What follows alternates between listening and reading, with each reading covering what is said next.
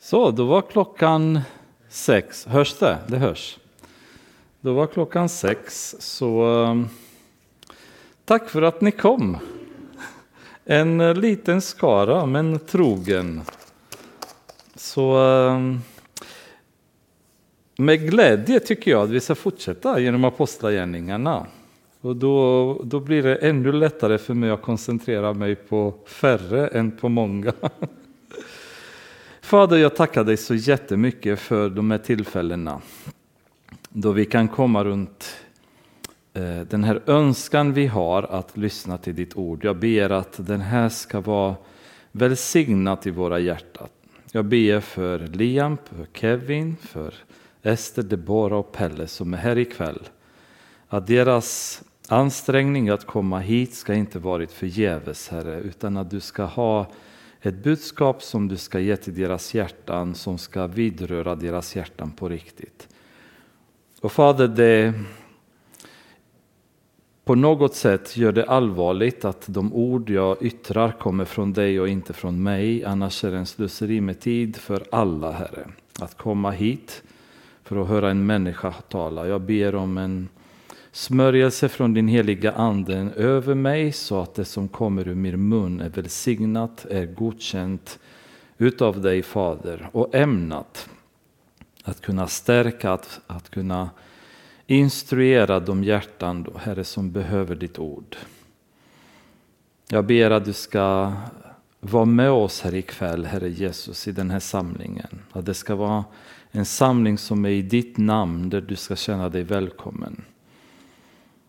Jag tackar dig för att din heliga Ande finns tillgänglig för oss att kunna verka till våra hjärtan, till våra behov, kunna ge svar på de frågor vi har. Kunna stilla de oron som ibland kommer över oss, Herre. Jag ber att ikväll ska vara en kväll då din heliga Ande ska verka på riktigt i våra liv. I Jesu namn. Amen. Eh, Det var länge sedan vi har träffats. Eh, det var lite krasslig ett tag, eh, inte så illa utan mer hostig.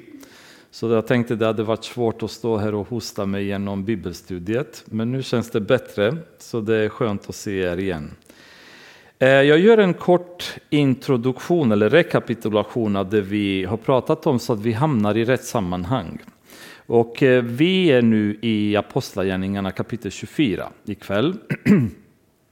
Och vi hamnar eh, i kölvattnet av den eh, kan man säga, uppror som har varit i templet när Paulus hade gått dit. Ni kommer ihåg, han kom från Makedonien med eh, gåvor till församlingen i Jerusalem de i Jerusalem var ganska spända över hans ankomst eftersom det var väldigt många, det var tusentals i Jerusalem som var kristna judar men som fortfarande höll sig ganska mycket till lagen.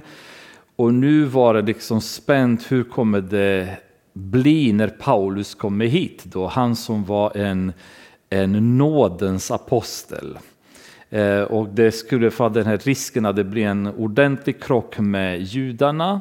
Och han får rådet av Jakob att eh, försöka att ta det lite lugnt i princip, sponsra några av eh, de som hade avlagt ett löfte, visa välvillighet gentemot Mose lag och så vidare. Då. Och när Paulus är i templet efter att han hade renat sig för att vara med där och offra ihop med de andra så blir det uppror när några judar från Asien kände igen honom och visste vad som hade hänt i Efesus när han var där och så vidare.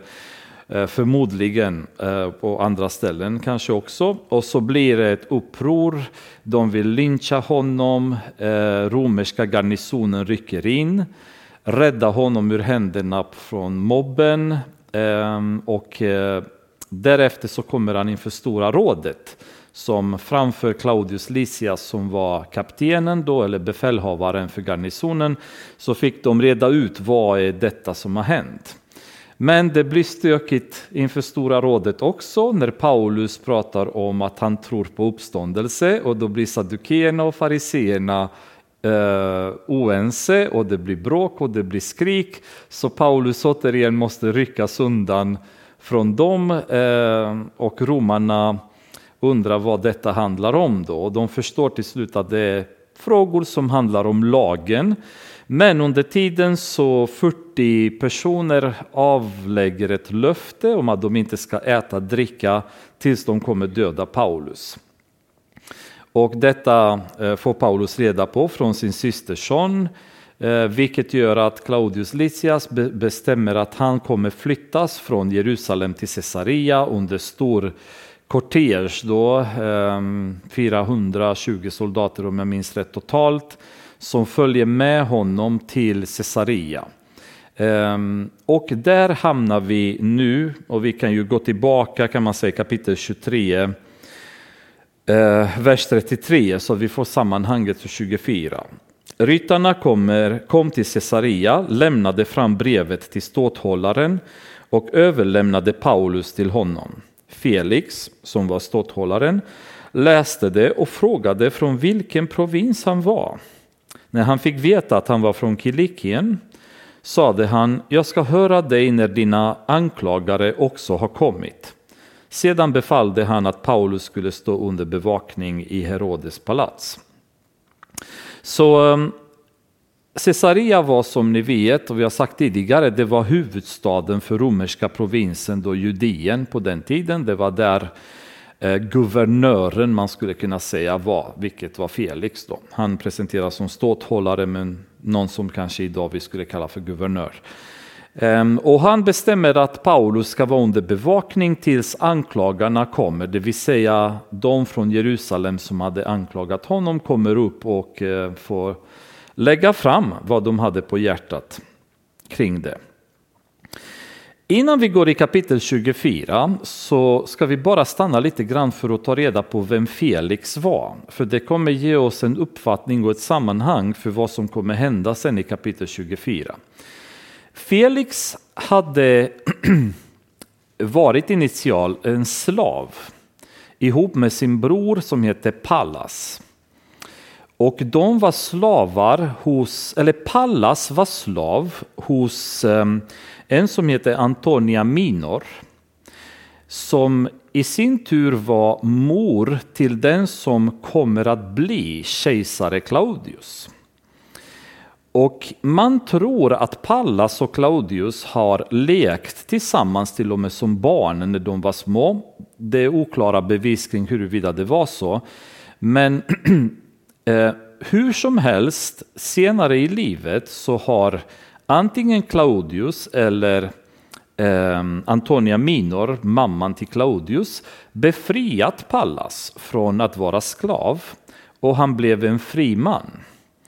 Och klättrade sen i karriären som fri man och blivit sekreterare till kejsaren som blev sen Claudius. Men senare var också sekreterare under kejsare Nero. Och Felix var bror till Pallas. Så när Pallas sen har blivit en fri man, på något sätt så tros man att det har påverkat så att han har befriat eh, Eh, sin bror Felix som också blev en fri man. Och Felix genom de kontakter han hade, han blev tilldelad guvernörskapet i Judeen då. Och där eh, hittar vi honom idag som guvernör. Men han var en eh, ståthållare som var väldigt problematisk på grund av ganska mycket korruption. Då. Och inte alltid helt ense med judarna i frågor. Ehm, senare till och med så organiserar han mordet på översteprästen eh, Jonathan. Ehm, men det är inte i vår del utan det är bara historiskt, troligen efter de här händelserna i kapitel 24 tar plats. Ehm, så han var en, eh, eh, beskrivet av en romersk historiker så var han en guvernör men fortfarande med hjärtat av en slav, det vill säga ganska ond, ganska elak, eh, ganska korrupt. Då. Så det är inför den här Felix då som, eh, som Paulus eh, hamnar. Ehm, och den här släkten kan man väl säga av ehm, som, som Pallas och Felix på något sätt var i kontakt med. De var väldigt hög uppsatta kan man säga inom romerska riket då. Ehm, Antonia Minor, hon var ju ehm, en dotter till eh, initial till Marcus Antonius. Ehm, Marcus, Marcus, Antonius var en av de största generalerna som ehm, Julius Caesar hade haft. Kämpat väldigt många strider och varit den som har varit ehm, medverkande i att förvandla eh, Rom från mer av en republik till mer av en diktatur. Då. Eh, och väldigt så att säga, influerande general i romerska armén och Antonia Minor var dotter till honom. Men eh, hon var också brorsdotter eller systerdotter, oklart om det var vilket, till just Julius Caesar. Så hon hade en kejserlig härkomst. Då, så för Pallas, Felix bror och likaså Felix så var detta något ganska så bra att ha så pass tajta relationer hela vägen upp till kejserliga eh, palatset. Då. Och framförallt senare när Antonia Minors son Claudius blir kejsare, då blir det ju eh, väldigt nära kejsaren kan man säga som de hamnade. Ehm, så det är, ju, det är ju den personen som Paulus hamnar inför just nu. Felix som är guvernör då i, i Judeen. Fem dagar senare kom översteprästen Ananias ner tillsammans med några äldste och en advokat, en viss Tertullus, och de framförde sina anklagelser mot Paulus inför ståthållaren. Så Ananias, översteprästen, som om ni kommer ihåg tidigare har vi pratat om honom som en, också en genomkorrupt överstepräst. Han har nu makat sig hela vägen från Jerusalem till Caesarea, cirka 14 13-14 mil då, så att eh, flera dagars resa har, han fått eh, avverka. Och man kan väl säga att en överste präst lämnade inte gärna Jerusalem. Eh, därför att det var där de höll hus, översteprästerna. Och dessutom att gå från Jerusalem till Caesarea kommer ni ihåg att man passerade Samaria. Och för en överstepräst, att passera Samaria, det var ju som att, att umgås med spetälskor. De ville absolut inte komma i närheten av någon samarier. Men för dem är ju så viktigt att göra sig av med Paulus så att de går med på att göra den här, och Ananias var väldigt gammal vid det här laget, så det var ingen lätt resa. Så man kan säga, med, jag kan tänka mig med mycket gråt och tandagnisslan har han gått igenom den resan för att kunna komma till Caesarea och en gång för alla kunna sätta dit Paulus och bli av med honom. Så har han fått göra den här resan och står nu inför hedningarna i Caesarea och behöva ta tag i de här problemen. Så det var ingenting som de gladeligen eh, säkert hade gjort, men ehm, hatet de hade mot Paulus var förmodligen mycket större än avskyn de hade för samarierna och hedningarna. Så det fick eh, gå åt sidan just därför att de hatade Paulus mer i det här läget. Men med sig så har de tagit med en advokat helt enkelt, någon som var slipad i romersk lag som skulle föra talan inför ståthållaren. När Paulus kallats in började Tertullus anklaga honom och säga och här kommer jag göra till min röst för att på något sätt försöka komma mer i rätt sammanhang, annars blir det lite tråkig läsning. För jag kan föreställa mig någonting av det här sättet. Högt ärade Felix, tack vare dig och ditt ledarskap har det länge rått fred och detta folk har överallt och på alla sätt fått det mycket bättre. Detta erkänner vi med största tacksamhet. För att inte besvära dig allt för länge ber jag att du i din godhet lyssnar till vad vi i korthet har att säga. Vi har nämligen funnit att den här mannen är en samhällsfara som sprider oro bland judar över hela världen. Han är en ledare för Nazarenas sekt och han har till och med försökt vanhelga templet. Därför grep vi honom. När du förhör, förhör honom kan du själv få klarhet i allt det vi anklagar honom för. Judarna instämde och påstod att det var på det sättet. Förstår ni smörandet i hans språk då? Så de tog med sig den här slipade personen som skulle mjuka upp hjärtat hos den här genomkorrupte guvernören som judarna normalt sett hatade. Och de börjar med att säga hur bra vi har det under din regering. Vi har ju haft fred, det har varit så bra sedan du har varit guvernör. Men nu har vi fått ett problem. Och det är att den här mannen startar uppror. Och de betonar den här med upproret, för om det var en sak som romarna hatade, det var när det blev uppror. För alla provinserna där guvernörer skickades till, deras roll det var att se till att instaurera vad de kallade för Pax Romana, romerska freden. Det vill säga se till att det blir lugnt i de provinser där ni är guvernörer. Om det är olika folk som slåss, slåss med varandra, krossa dem båda och se till att det är fred. Om någon går upp mot Rom, krossa dem och se till att det är fred. De ville inte ha uppror. Kejsaren ville ha fred i riket och överallt guvernörerna var stressade över det faktum att det blir uppror. Ni känner igen Pilatus när han var väldigt rädd att judarna skulle göra uppror och därmed gick han med på att de skulle korsfästa Jesus och så vidare. Det var permanent den rädslan, vi vill inte ha bråk. Vi måste se till att vem som startar bråk Eh, till inte görs till varje pris för det ska bli fred, så inte det kommer fram till kejsarens öron att i min provins är det stökigt, för då, då är det guvernören själv som får problem.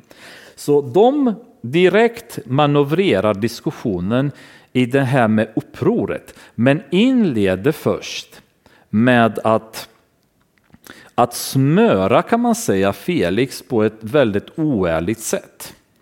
Um, och det här smickret kan man väl säga är någonting som Bibeln är väldigt tydlig att det är en synd. Det är inte bara att det, vi råds till att inte använda det, utan det är en synd. Och jag tror att det är också vi i församlingen, så vi behöver vara väldigt försiktiga när vi tilltalar varandra, när vi pratar med varandra, ehm, när vi pratar i olika sammanhang i kyrkan, så att vi inte använder smickrande ord på det här sättet, på ett oärligt sätt. Därför att enligt Bibeln så är detta väldigt allvarligt, väldigt farligt till och med för en människas liv när någon annan smickrar en människa. Vi kan läsa i eh, Ordspråksboken kapitel 29 där det står den som smickrar, eh, 29 vers 5 förresten, Ordspråksboken. Den som smickrar sin nästa lägger ut ett nät för hans fötter. Så en person som lever ett liv som inte är rätt men blir smickrad, det är som att man lägger ett nät för deras fötter, man fäller dem så att de fortsätter att leva i synd eller de faller i sin synd istället för att bli tydligt påpekade att de lever i synd. Um, och jag tror att eh, i vårt fall, ibland så vill vi kanske vara snälla. Vi vill kanske vara inte kritiska gentemot varandra. Men i Guds församling skulle jag säga kritik framfört med kärlek är så mycket viktigare än smicker. Om någon säger till mig att jag har haft en bra, ett bra bibelstudium eller en bra predikan när det i själva verket inte var så, och man känner inom sig att det inte var så, men man säger det ändå bara för att vara snäll. Det där är smicker som kommer bara leda möjligtvis till att jag blir ännu sämre. Istället för att någon kommer till mig och säger George, jag tycker att det du sa inte stämmer. Och jag tycker det finns en tydlig biblisk grund som motsäger det du säger. Det kanske blir lite hårt att höra det, men när vi sätter oss ner och pratar och ni öppnar mina ögon, då hjälper min, mig att komma från något dåligt till något bra. Så smickrandet som vi ger till varandra i församlingen, ibland med goda intentioner av att vara snälla mot varandra, i, i grunden kan vara så att vi gillrar en fälla för den som vi smickrar istället för att vi gör ett konstruktiv kritik, kärleksfullt påpekande av att saker och ting inte står rätt i våra liv. Men vi kommer med smicker. Och ibland så går det till groteska former. Eh, jag kommer ihåg i en kyrka som jag vuxit upp i. Det var väldigt mycket stridigheter i församlingen mellan olika fraktioner och grupperingar. Men ibland så så var det liksom vid församlingsmötena så kunde någon resa sig och innan de började tala så kunde de få fram någon slags fin bild av situationen. Och man bara kände att det där är inte sant, det där stämmer inte. Men det var någon slags smicker som man inledde sitt tal med för att kunna på något sätt sen framföra det man ville säga då. Och det kändes alltid så fel i Guds församling att vi ska inte vara transparenta och lite grann som Bibeln säger, vår, vårt ja ska vara ja och vårt nej ska vara nej. Vi ska inte använda ord som inte är sanna, som inte är korrekta och som gillrar en fälla för den som vi smickrar. Um, och det är ju problemet att med smicker så inser inte människan att man syndar. Man, man säger oftast att många diktatörer är egentligen inte så dåliga själva så länge deras omgivning inte intalar dem att vara där de är. Så att många diktatörer är omringade av människor som bara smickrar dem och aldrig kritiserar dem och aldrig får fram fakta för att säga att ni gör fel. Och då blir diktatorn bara värre och värre och värre och värre för att de får aldrig motstånd. De får bara smicker. I Ordspråksboken kapitel 26, vers 28 står det En falsk tunga hatar dem som den skadar en smickrande mun vållar fördärv. Så falskhet och smicker leder till förstörelse för människor. Ehm, och i referens till falska lärare, och det är ganska intressant i eh, Romarbrevet kapitel 16. Vi ser att falska lärare kommer använda sig av just smicker för att kunna få fram sina falska doktriner i församlingarna. Och det där måste vi vara väldigt vaksamma, vaksamma kring, att falska lärarna kommer iklädda som, får i, eh, som vargar i fårakläder. De kommer inte som vargar, de kommer att komma med fint språk, med milda röster, med fina tolkningar av Bibeln, men bakom det så göms det ett satans evangelium och inte någonting som kommer från Jesus. Men de kommer att komma med falska tungor och med väldigt fint språk. Och i kapitel 16 kan vi läsa vers 17, säger Paulus. Jag uppmanar er bröder att se upp för dem som skapar splittring och väcker anstöt mot den lära som ni har fått undervisning i. Håll er borta från dem, för sådana människor tjänar inte vår Herre Kristus utan sin egen buk och med fina ord och vackert tal bedrar de godtrogna människor. Alltså det är människor vars syfte är att förgöra och fördärva men de gör det med vackert tal, med fina predikningar, med vackra ord, med alleluja som sägs vid rätt tillfälle under predikan men bakom dem så göms det Satan. Och Paulus säger, ni ska inte ens ha med dem att göra. Bort från de här människorna därför att det är gift att vara kring dem. Men de kommer med vackert tal. Det kommer inte vara tydligt, det kommer inte vara klart, starkt. Så är man inte bevandrad, inte begrundad i Guds ord så blir man direkt förförd av de här fina orden. Men sitter man och grundar och lyssnar och gör som de i Berea och börjar söka då börjar man se att det finns förruttnelse i det de undervisar och säger. I första Thessalonikerbrevet eh, kapitel 2 kan vi läsa från vers 4.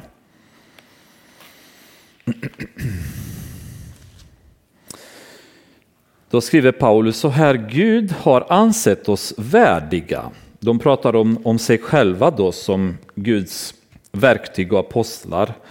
Gud har ansett oss värdiga att anförtros evangeliet och därför talar vi som vi gör. Och här notera, inte för att behaga människor, utan Gud som prövar våra hjärtan. Vi har aldrig kommit med smickrande ord, det vet ni, eller med förevändningar för att roffa åt oss. Gud är vår vittne. Vi har inte heller sökt att bli ärade av människor, varken av er eller andra. Vilken inställning!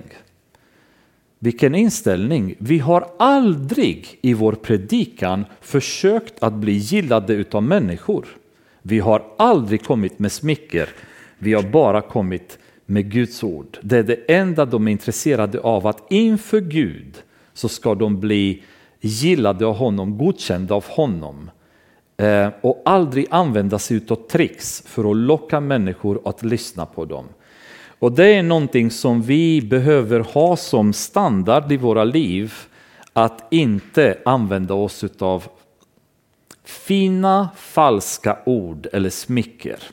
Därför att det är en fruktansvärd synd som gör att vi orsakar förödelse och vi förgör med dem. Ehm, och en underbar beskrivning eh, så hittar vi faktiskt i Jobb. Det, det är nästan som man bara känner, oh, det är ett av de absolut bästa. Jobb kapitel 32.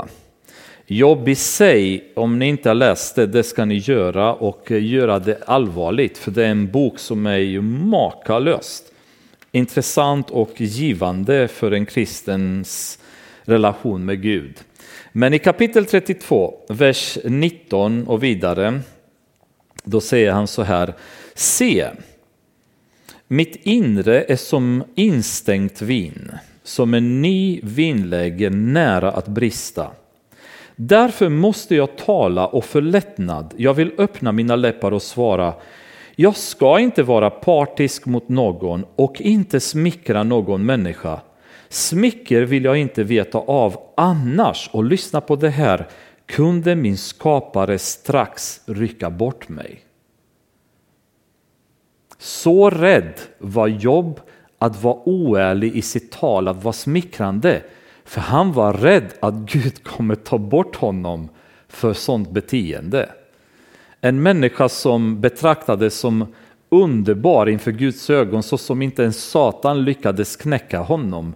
Och han hade som, som så att säga, standard i sitt liv att smicker inte ska existera i hans mun. Partiskhet ska inte existera eh, därför att han var rädd för sin skapare. Och just den här rädslan för Gud är någonting som har försvunnit från kristenhet idag. Det är väldigt många av oss som är inte är särskilt rädda för Gud längre. Men vi ser en man som Jobb som hade ett liv som var i princip rättfärdigt. Eh, till den punkt där Gud till och med eh, skryter med honom inför Satan. Han var rädd för Gud. Han var rädd för honom.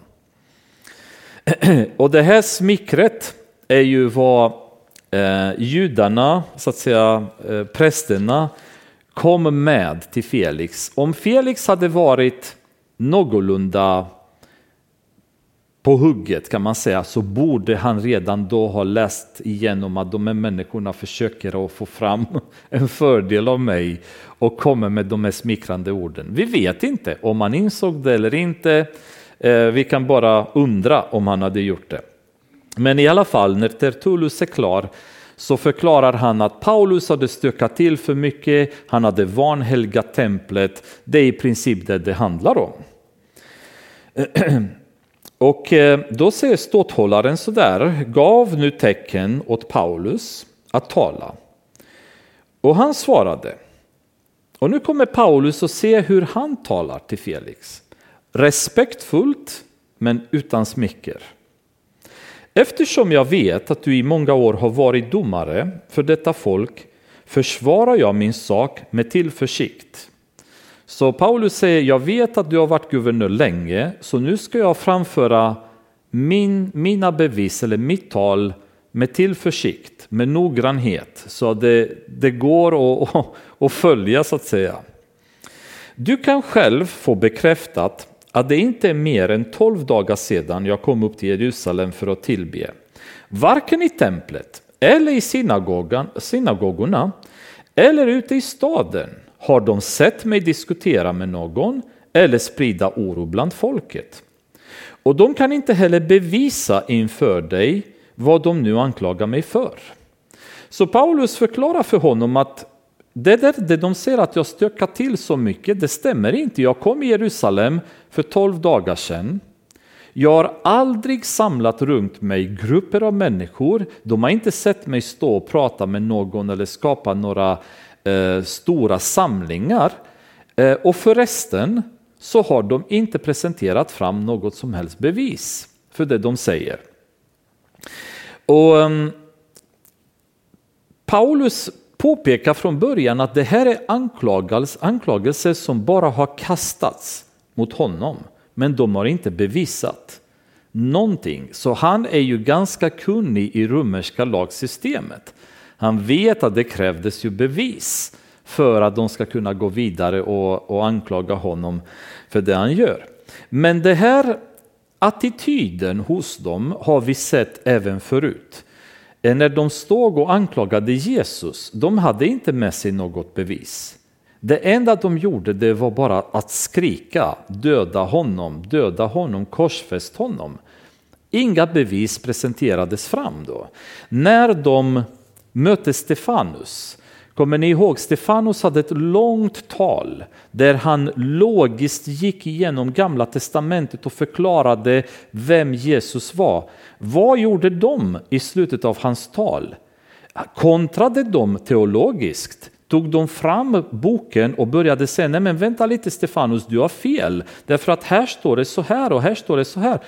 Ingen gjorde det. De bara skrek, vrålade, tog stenar och dödade honom. Och den här attityden har Paulus mött genom hans missionsresor när han fick aldrig teologisk motstånd av någon. Det enda han fick det var skrik, hån och attacker. Och det är ju precis så ofta svaret från Satan kommer. Det går inte att med Guds ord kunna neka eller förneka någon som står grundad i Guds ord. Och då måste man skrika, då måste man håna, då måste man bespotta för att det finns ingenting annat man kan göra. Du kan inte ta fram Bibeln och argumentera mot. Det som är tragedin i det här beteendet, det är att det här beteendet fortsätter även idag i församlingar. Och det är att när i församlingar människor reser sig och försöker att uppmana församlingen att leva nära Gud. Man tar fram Bibeln och säger vi måste göra så här. Bröder och systrar, tänk på det, var försiktiga med det. här. Vi får inte göra så, vi måste tänka så. Man möts nästan aldrig utav teologisk kontring där någon annan säger Eh, nej, men det här stämmer inte broder eller syster, utan det står så här att vi får göra så och så och så. Och att man får den här diskussionen kring Guds ord, vilket vore det fantastiska att ha i Guds församling. Det är på det sättet vi löser alla våra tvister. Vi söker Gud, vi söker ordet, vi diskuterar. Det är inte säkert att vi alltid kommer överens. För att ibland är vi påverkade av olika sammanhang, egna erfarenheter, Ehm, vinklar från vilka vi ser saker. Så det är inte säkert att en diskussion leder alltid till omedelbar lösning. Men det kommer leda till att vi kommer förstå att Gud leder oss åt något håll. Det kan vara så att Gud säger att än så länge förstår ni inte det, men jag vill att ni har fred. Eller jag vill att ni följer den här linjen så länge och så vidare. Det kan ju vara väldigt olika sätt.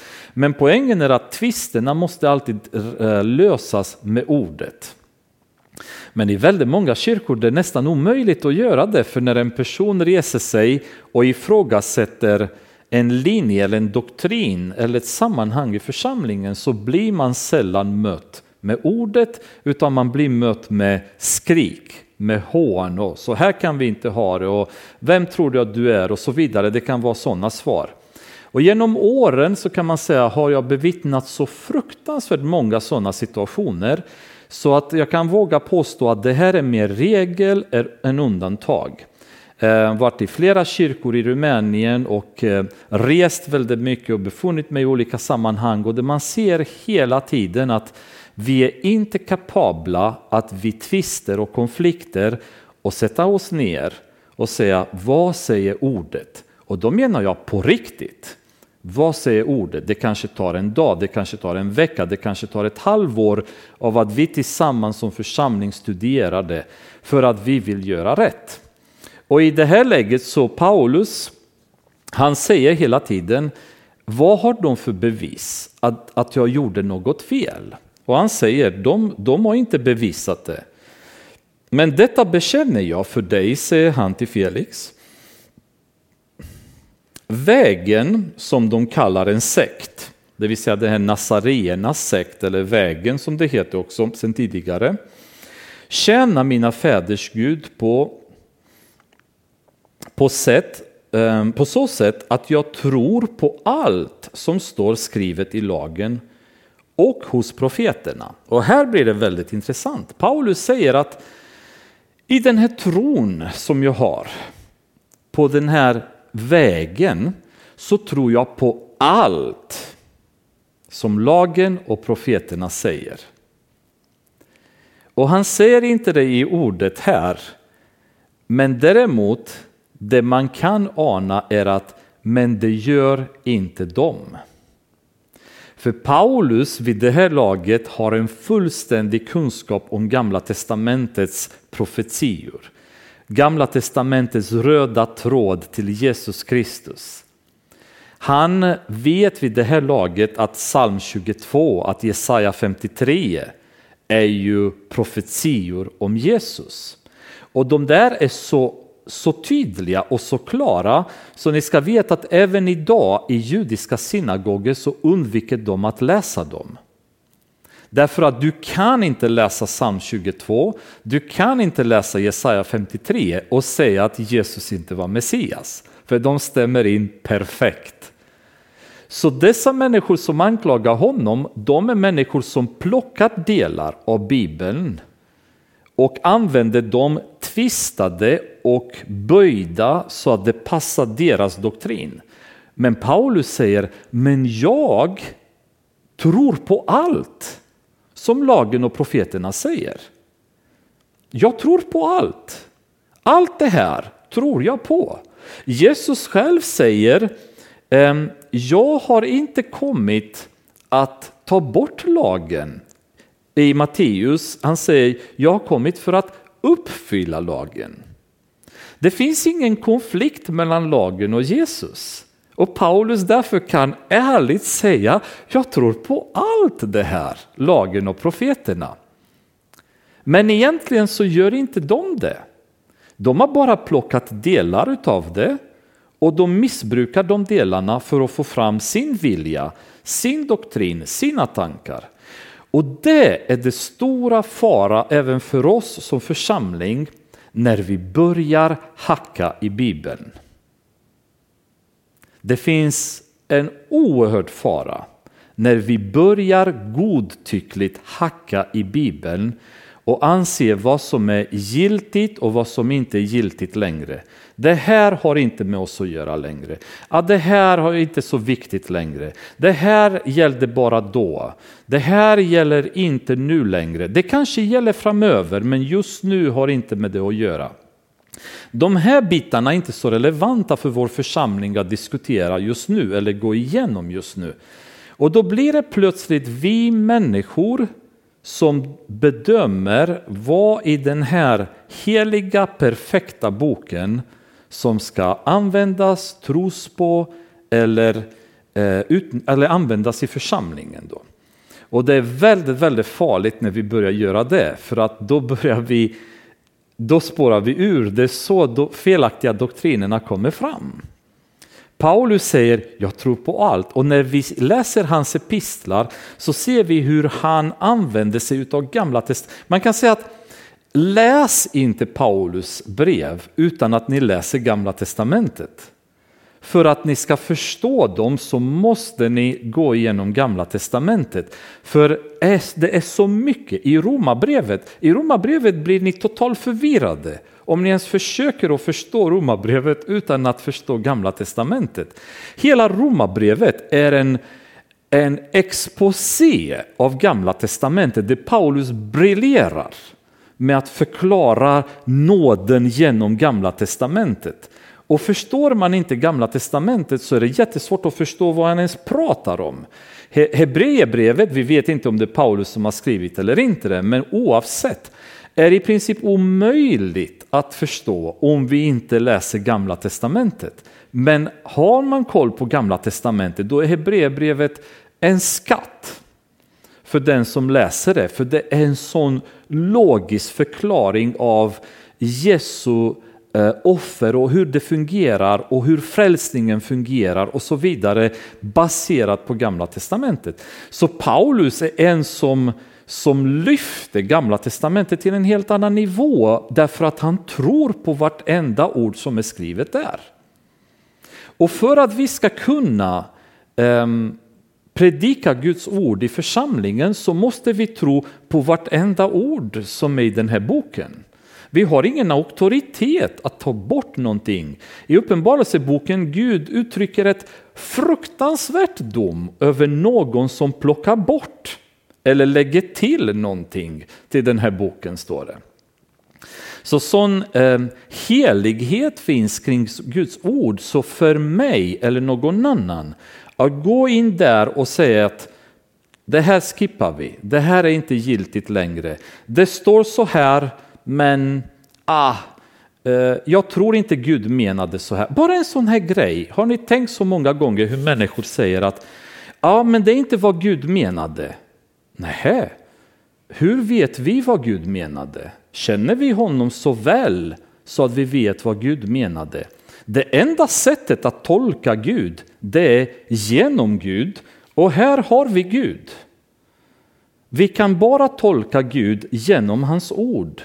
Vi kan inte på något annat sätt säga ja, ordet säger att det är vit. Men jag tror inte att det är så Gud menade. Gud menade nog att det är svart. Okej, okay. hur vet du det? Är min nästa fråga. Känner du Gud? Har du en egen kanal till Gud där Gud talar om för dig ett annat evangelium än det som står här? Eller hur vet du att det är svart? Så det är väldigt far, ett väldigt farligt beteende när vi inte tar Bibeln på allvar. Och det måste vi göra, för annars är det ju doktriner av alla möjliga slag och ni känner till många av dem själva, vad folk går omkring och predikar även idag på många olika ställen. Så det är ju jättespännande här. Alltså den här när jag läste den här då tänkte jag att ah, vi gör både kapitel 24 och 25 samtidigt för det är bara en berättelse. Tills man började läsa noga vad Paulus säger. Alltså han är ju helt otrolig i detta. Han säger bara, jag tror på allt det här. Jag tror på allt. Så vad anklagar de mig om? Jag tror på allt det här. Vad är problemet? Men det är det att de inte tror på det. De har plockat bort delar. De missbrukar ordet och Jesus anklagade dem jättemånga gånger för att missbruka ordet och hur de tvistade och vred på ordet och gjorde olika försök att tolka det på ett annat sätt än Gud egentligen hade lagt det fram till att vara. Och jag har samma hopp till Gud, vers 15, som dem att både rättfärdiga och orättfärdiga ska uppstå en gång. Därför strävar jag också själv efter att alltid ha ett gott samvete inför Gud och människor. Efter flera år kom jag tillbaka för att överlämna gåvor åt mitt folk och frambära offer. Då fann de mig i templet när jag hade renat mig och det var ingen folkmassa och inget tumult. Men det fanns några judar från Asien och egentligen borde de stå här inför dig och anklaga mig om de hade något att anföra mot mig. Så de som hade tydligen sett honom eller anklagat honom, de var inte ens här. Och Paulus säger bara, varför är de inte här om det är så att det varit ett problem? Då skulle de kommit hit som vittnen, men de var inte där. Annars får dessa män själva tala om vilket brott de fann mig skyldig till när jag stod inför Stora rådet. Och det blir problem. Vad ska de säga nu? Ska de säga att han tror på uppståndelsen? För då kan de inte komma fram med eftersom det var fariseer och sadukeer. Och fariseerna tror på det. Om det inte var denna enda sak som jag ropade när jag stod bland dem, det är för de dödas uppståndelse som jag idag står här anklagad inför er. Felix, som mycket väl kände till vägen, sköt nu upp rättegången och sade, när befälhavaren Lysias kommer hit ner ska jag avgöra målet. Han befallde officeren att hålla Paulus i förvar men samtidigt ge honom viss lättnad och inte hindra någon av hans vänner från att hjälpa honom.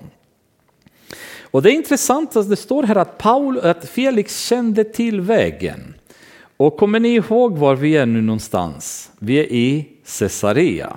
Vem bodde i Caesarea? Filippus som hade startat väckelsen i Samarien, som hade flyttat till Caesarea. Och vi vet att i Caesarea fanns det redan en stark kristen församling. Filippus själv hade döttrar som profeterade vet vi. Så Felix var förmodligen vid det laget införstådd eller kände till att det fanns en, en rörelse då som hette Vägen eller Nazarenas sekter, eller vad de kallade det för. Och han var ju familjär med dem, så han visste vad det var och då kände han bara, ah, nu är vi inne på sådana här religiösa tvistefrågor. Vi låter det här vara tills kaptenen kommer upp från Jerusalem så får han berätta vad som har hänt under tiden och behåller Paulus i förvar men ger befäl, befälet att det skulle bli um, lite lugnt kan man säga. Han får ta besök så det är inte som ett väldigt hårt fängelse han kastar honom i. Några dagar senare kom Felix tillsammans med sin hustru Drusilla som var judina. Här vill jag stanna också en stund för att prata om Drusilla. Drusilla var dotter till kung Agrippa, Herodes Agrippa. Och Herodes Agrippa var den som dödade apostel Jakob i början på apostlagärningarna, om ni kommer ihåg det. Hennes bror Herodes Agrippa den andre är den som vi kommer möta i kapitel 25 sen och Paulus kommer hamna inför honom också. Så hon var en höguppsatt kvinna. Hon hade varit, eller ja, hon hade varit gift. Men i något sammanhang, hon var en väldigt vacker kvinna, men i något sammanhang hade Felix sett henne och bara inte kunde släppa henne därefter. Han, han själv var också gift, men genom en trollkar som heter Simon. Och det, det, är ju vissa översättningar står det Simon, i vissa översättningar står det Atomos. Inte i Bibeln utan skrifter eh, som romerska historiker hade fått fram. Genom den här trollkaren så lyckas han förföra Drusilla att gifta sig med honom och lämna sin man, vilket hon gör. Ehm, och han tar henne som sin andra fru. Eh, så hon är ju judina men själv kan man säga begått en ganska allvarlig synd genom att lämna sin man, bli andra fru hos Felix och så vidare. Så en härva av otrohet och eh, promiskuitet kan man väl säga i det hela. Men han kommer nu med sin hustru Drusilla som var judina. Han lät hämta Paulus och hörde eh, honom tala om tron på Kristus Jesus. Men när Paulus talade om rättfärdighet och självbehärskning och den kommande domen blev Felix förskräckt och sade gå din väg för den här gången när jag får tid ska jag kalla på dig. Så han, han kallar på Paulus för att han vill snacka lite mer om tron. Han vill snacka, vad är det här för, för tro ni har? Vad är det för rörelse du står för? Och eh, det Paulus gör, det är vad väldigt många eh, moderna församlingar inte gör längre. Han predikar ingen lyssnar vänlig evangelium. Han säger inte till Felix att eh, jo Felix, jag ska berätta för dig, du vet i, i våra kristna församlingar, vi har så fruktansvärt bra verksamhet. Vi har, vi har barntimmar, vi har eh, eh, välgörenhet, vi skickar pengar till folk i nöd, vi har alkoholistverksamhet, vi gör så mycket gott. du vet. Det, det är någonting för dig att vara med kanske och testa och se vad spännande det är. Du vet, vi träffas Eh, två, tre gånger i veckan, vi sjunger lite sånger, vi, har lite, vi läser tillsammans och det, det är så härlig atmosfär. Och vi ber för varandra och de som är sjuka blir friska och det, det, det är underbart. Vill du testa det också? Ehm, så Paulus går inte i de här um, mänskliga delarna av evangeliet som vi så gärna framträder själva när vi diskuterar med andra människor eller när vi bjuder människor till kyrkan så försöker vi att locka dem med att det finns bullar, det finns kaffe, det finns trevlig gemenskap, det är god sång, eh, det är ju, eh, atmosfären är underbar, folk är glada och så vidare. Liksom. Ehm, inte heller går han med någon slags självhjälp eh, evangelium där han säger eh, Felix, nu ska jag få tala om för dig om någon som kan stärka dig som person. Som kan, kan verkligen göra dig värdefull. Han ger ingen sån här armband till Felix där det står Felix, du är värdefull. Felix, Gud älskar dig så som du är. Eh, det är inte det här evangeliet han, han pratar om. Han går inte i de här moderna evangelium som vi predikar idag som en avart av det som är det äkta evangeliet som predikades i Guds ord, som predikades även i många år under väckelsetiderna. Vad gör Paulus med Felix? Han går in hårt. Han är inte där för att tala om för Felix saker som ska kittla Felix öron. Han vet att Felix lever i promiskuitet med en kvinna som han har rövat från en annan man dessutom. Han vet vem Felix är som person, den korruption som han lever under. Och vad pratar Paulus om honom om? Om rättfärdighet och självbehärskning och den kommande domen. Skojar ni? Idag inom kristenhet det pratas inte om dom längre i evangelistiska sammanhang. Vi ska inte ens prata och skrämma folk, människor, skrämma människor med helvetet, det är ju elakt, det är fult. Fattar inte vi att det är Guds kärlek som leder folk till omvändelse, står det till och med i Bibeln. Vi ska inte prata om dom. Vi ska prata bara om att Gud älskar dem. Gud bryr sig om dem. Gud är snäll. Han längtar efter dem. Och det är ju en del av Guds evangelium, det är en del av Guds personlighet. Men likväl är Guds personlighet helighet och en kommande dom.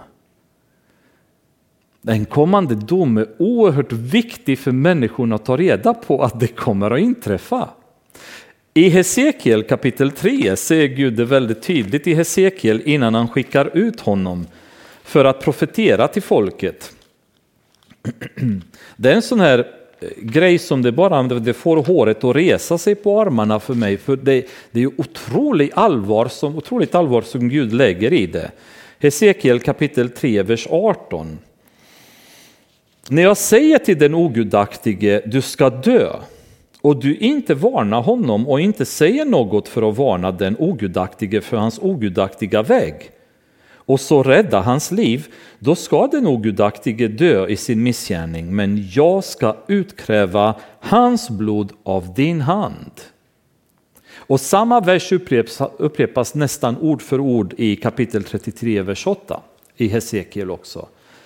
Gud säger att om du inte talar om för dem att de ska dö, om du inte talar om för den ogudaktiga att det kommer en dom, det kommer ett helvete, det kommer en evig död, där gråt och tandagnisslan kommer ske för evigt. Om ni inte varnar människor om de här sakerna, de kommer att dö. Men jag kommer kräva deras blod ur era händer. Ni har inte informerat dem om min sanning om kommande domen, om domedagen, om en hela världen som ska stå inför Gud och skaka. När Jesus som är lejonet av Judas stam kommer stå och kommer bryta sigillet och hela himlen står tyst och väntar. När alla står rädda inför Guds tron vid senaste tiden, senaste dagen, när hela världen, alla som någonsin har levt, står där för att höra sin dom. Om vi inte varnar människor att utan tro på Jesus Kristus och helige Ande sigil i era liv, så kommer ni dö och gå till helvetet, så kommer Gud utkräva deras blod ur våra händer. Och han kommer fråga, vad har ni gjort? Varför har ni inte berättat för dem? Varför har ni gett dem armband med att de är värdefulla? Varför har ni talat om för dem att Gud älskar alla så som de är?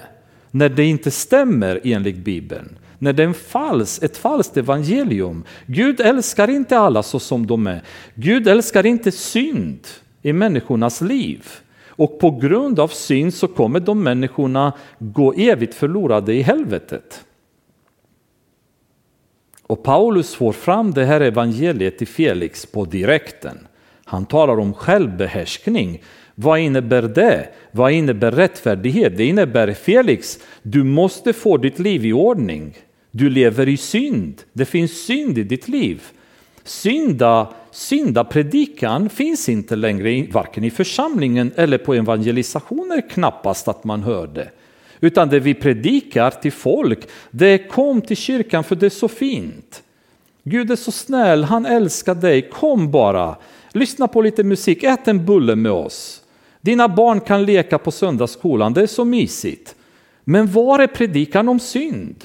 Hur kan vi omvända människor om vi inte pekar på att de lever i synd?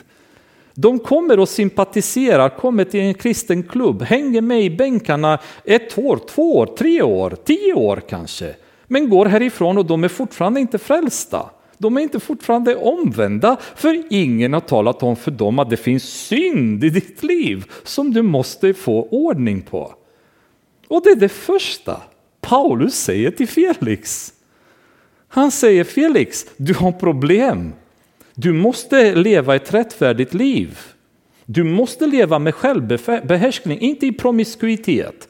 Inte leva det här livet som du gör. Och förresten så kommer en dom om du inte skärper dig. Och resultatet av Paulus predikan är att Felix blir förskräckt. I en översättning står det att Felix började skaka av förskräckelse. Han fick en syndanöd som heter duga med andra ord när Paulus talade för honom. Och när människor får den här syndanöden över sig så finns det bara två saker de kan göra. Böja sina knän inför Gud och ta emot honom. Eller göra som Felix säger, kom en annan gång för nu hinner inte jag med dig mer.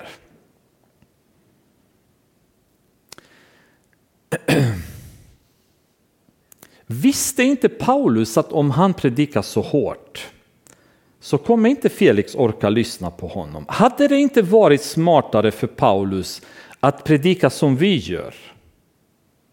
Att lura Felix i någon slags uh, myskänsla, kristendom, kristenhet, god musik, god gemenskap, goda bullar, gott kaffe, fina ord, intressant eh, och så vidare. Tänkte inte Paulus på vad han sa? Tänkte inte på att han kommer skrämma bort Felix?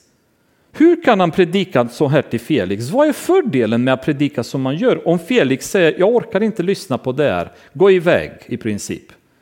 Det var ganska osmart skulle vi säga med våra moderna filosofiska eh, ögon idag. För det är det vi gör.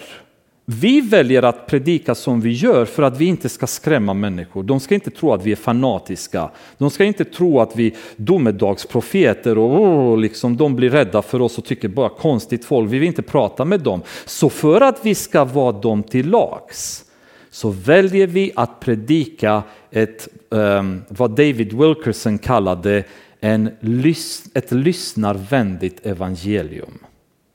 Ett evangelium som folk tycker om att höra, som inte är stötande, som inte framkallar syndanöd i deras liv, som inte skrämmer dem, utan som får dem att på något sätt tycka om oss och tycka att det är trevligt att träffa oss igen och ta en kopp kaffe med oss igen nästa gång och så vidare. Men kommer ni ihåg vad Paulus sa till Thessalonikerna? Han var inte intresserad av att predika någonting som människorna vill lyssna på, utan han vill predika evangeliet. Och evangeliet var det han la på Felix. Och Felix beslut att strunta i det har, har helt och hållet att göra med honom. Gud har kallat oss att predika evangeliet. Han har inte kallat oss att frälsa folk. Han, predikar, han kallar oss att predika evangeliet. Och när vi gör det, det kommer stöta väldigt många människor ifrån oss. Men det är inte vårt problem. Vi måste predika evangeliet okompromissat till dem, annars lurar vi dem. Annars står vi inför Gud och Gud säger, jag har talat om för er att ni ska tala om för dem att det kommer en domedag och ni har inte gjort det. Ni skulle talat om att det finns synd som de behöver ta hand om i deras liv och det har ni inte gjort det. För varför ska människorna bli frälsta bara för att äta bullar och dricka kaffe? Det finns ingen som helst anledning att göra det. Om de inte är medvetna att de lever i synd och synden orsakar död och helvete, det finns ingen anledning för någon att bli frälst. Har ni tänkt på det?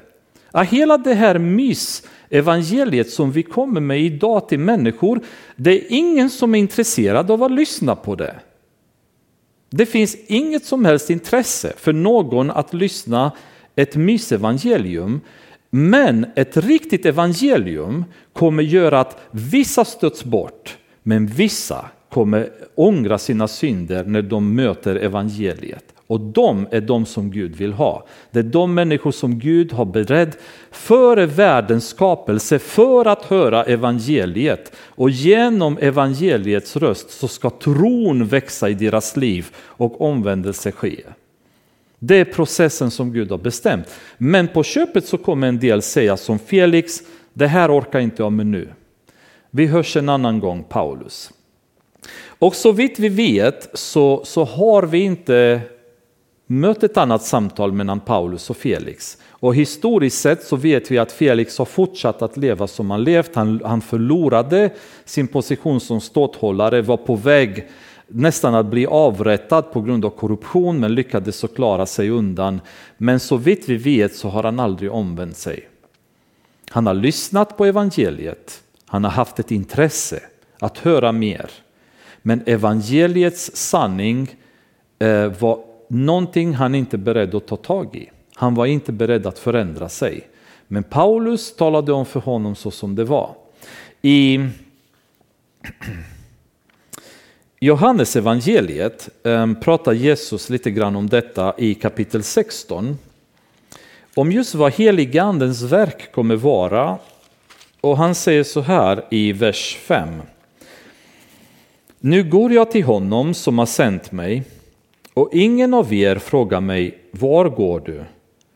Men när jag nu har sagt er detta är era hjärtan fyllda av sorg. Men jag säger er sanningen, det är för ert bästa som jag går bort. För om jag inte går bort kommer inte hjälparen till er. Men när jag går bort ska jag sända honom till er. Och här får ni lyssna. Och när han kommer ska han överbevisa världen om synd, och rättfärdighet och dom. Vad var det Paulus predikade? Självbehärskning, rättfärdighet och dom. Vad, vad predikar heliganden till världen om? Synd, rättfärdighet och dom. Vad predikar vi om idag? You tell me. Alla möjliga grejer vi predikar utom synd, rättfärdighet och dom. Och Jesus säger, det är det som helige anden kommer för att tala om för världen. Att lev, världen lever i synd. Världen måste leva rättfärdigt, om, om inte så kommer en dom och kommer drabba alla som inte lever så som helige anden kommer undervisa. I andra Korintierbrevet kapitel 7 säger Paulus några väldigt härliga ord också.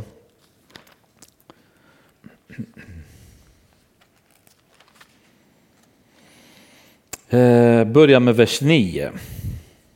Han säger så här, men nu glädjer jag mig inte för att ni blev sorgsna, utan för att sorgen har lett till ånger. Ni blev sorgsna så som Gud vill och därför har ni inte tagit någon skada genom oss. En sorg efter Guds vilja ger en ånger som man inte ångrar och som leder till frälsning, men världens sorg leder till död. Så Paulus säger till, till dem i Korint, när ni har förstått, när, ni, när, man har förstått synden, det är inte bara att ni har blivit sorgsna och vad synd att jag inte är så som Gud vill att jag ska leva, utan det har lett omedelbart i era liv till ånger. Ni har ångrat era synder, ni har kommit till Gud och ångrat dem. Och vad är resultatet av detta? Det är frälsning. Och om vi inte predikar om synd så finns det inget syndanöd och det finns inget behov att ångra några synder. Och ångrar man inga synder så finns det ingen frälsning. Förstår ni hur Satan lurar församlingarna idag för att människorna inte ska hitta till frälsning? Han har introducerat ehm, och återigen, jag citerar David Wilkerson som jag rekommenderar att ni lyssnar på oftare om ni inte redan gör.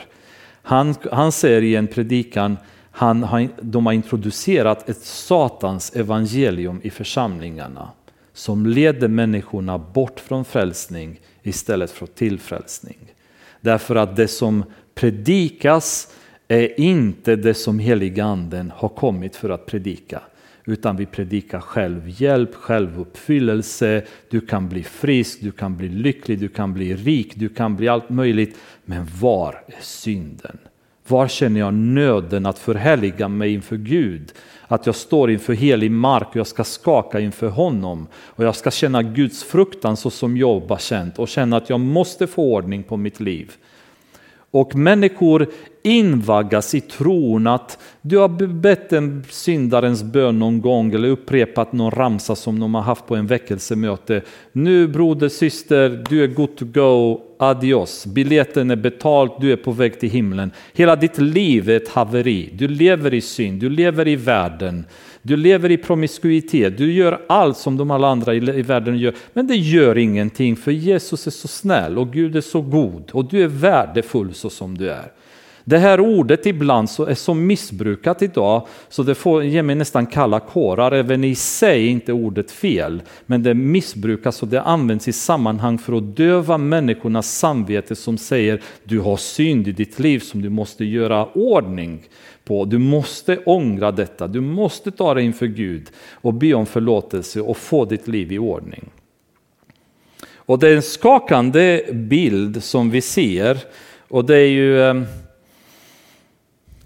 det, det, det, är, Paulus, alltså det är, det är så underbart att se hur han bara står fast vid de här begreppen. Han står inför guvernören och helt orädd talar han om för guvernören evangeliet i sin råa form. Utan inlindade ord, utan smicker, utan vackra fina formuleringar utan han får fram evangeliet till Felix på sånt sätt så Felix skakar av syndanöd, av förskräckelse. Men väljer ändå att säga inte idag, någon annan gång.